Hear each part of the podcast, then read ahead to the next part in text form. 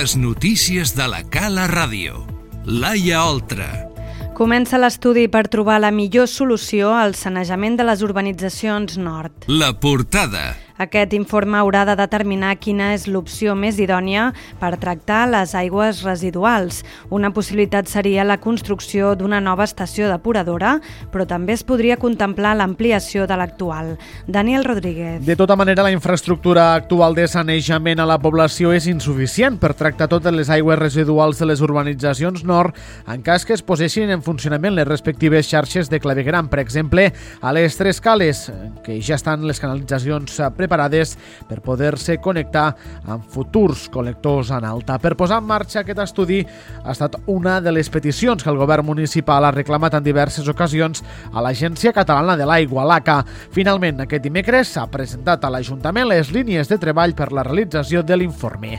Jordi Gazeni és l'alcalde de la Mella de Mar. Avui ens hem trobat amb Aquatec, que és l'empresa adjudicatària de l'estudi que ha de suposar eh, poder eh, saber exactament on és eh, més factible doncs, realitzar la, la nova solució a la depuració de les aigües, sobretot de, le, de la zona nord, de les urbanitzacions, de la zona nord, eh, el que seria doncs, eh, la zona de Trescales, eh, Sant Jordi, Calafat, eh, Marina Sant Jordi, eh, fins i tot fins a l'Almadrava, eh, doncs, eh, i el que es farà doncs, és aquest estudi eh, que amb, tenim uns, uns sis mesos per a poder eh, ja tindre resultats això està encomanat per l'ACA, després de molta insistència, eh, l'ACA mitjançant l'OCOPATE i el Consell Comarcal eh, doncs ja ha pogut eh, treure doncs, eh, aquesta licitació que ja està adjudicada i com dèiem doncs, avui hem pogut fer aquesta primera reunió que eh, ens suposarà eh, doncs, eh, saber eh, doncs, quines són, eh, quins són els millors emplaçaments per a eh, poder trobar aquesta solució definitiva a la depuració de les aigües residuals del municipi. Entre les possibles solucions a les aigües residuals de les urbanitzacions nord es podria contemplar una nova estació depuradora o bé que s'ampliés l'actual. Tot plegat s'haurà d'estudiar en funció de factors poblacionals, d'infraestructures o també mediambientals. El cost del projecte és de 54.000 euros més IVA i estarà llest d'aquí a mig any.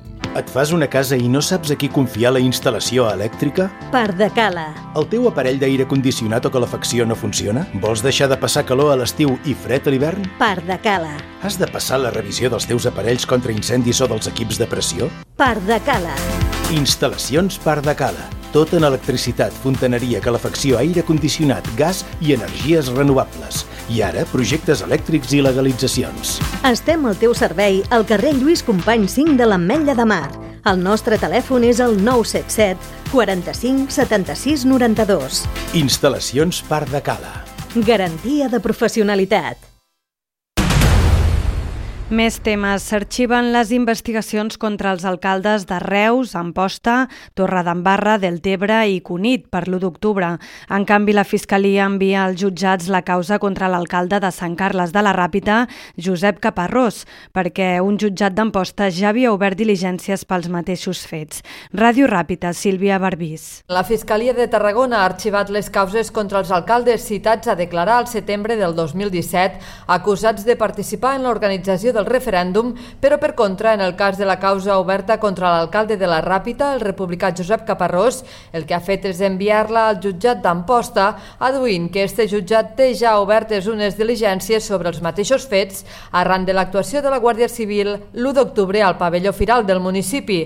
El Rapitenc, però, no ha rebut a hores d'ara cap notificació judicial al respecte i manté el convenciment que aquella va ser una jornada de participació democràtica. Votar no pot ser un delicte, eh, votar és democràcia i és per això que continuo eh, seré, convençut de, de continuar treballant eh, per la Ràpita, de continuar treballant pel nostre país i, evidentment, eh, estan eh, atents a les novetats que hi haguen de, de la causa que a mi m'afecta respecte a l'1 d'octubre per a poder fer les valoracions de la situació, de la situació de, en, estos, en estos moments. En la seva declaració davant la Fiscalia, Caparrós, com la resta d'alcaldes, es va acollir al seu dret a no declarar.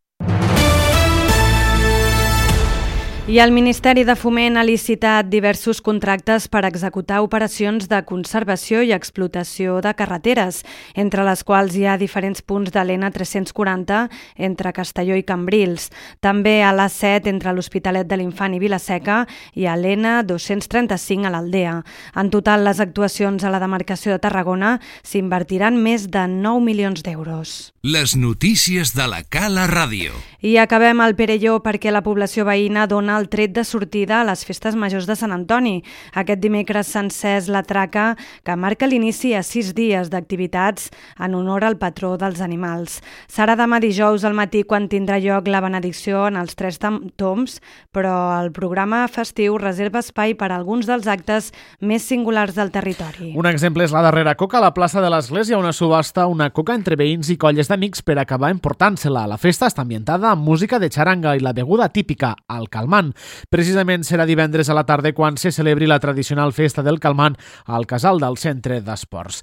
Ferran Cid és l'alcalde del Perelló. La gent jove eh, no és la coca, sinó és reunir-se allí, xalar la xaranga, que enguany no ve la xaranga aquí de la Mella, i disfrutar. Sí, és un moment de la joventut, sobretot, de, de, de d'oci fabulosa. Mm. S'ho però fabulosament. Va començar fa 12 anys, ja va començar el primer any que vaig estar-hi, fer el concurs de Calmant. També s'apunta cada any més colles, Sabori, que és la colla que guanya el Collerots, de, de, del primer premi, i no tinc cap símbol important econòmic, però sí que és el de guanyar el concurs, eh? Vull dir que no és per la, per la part econòmica, sinó per la part de, tinc guanyar, i això comença la festa. I... Altres actes destacats seran l'homenatge a la bellesa i la festa de la mainada divendres, la vintena jornada de l'oli novell a la cooperativa i la festa literària i esmorza de família el dissabte, o la 77a cursa ciclista el diumenge. També cal destacar que tots els dies, a partir de demà, hi haurà ball al casal en sessió de tarda i de nit, tot i que divendres serà la festa jove.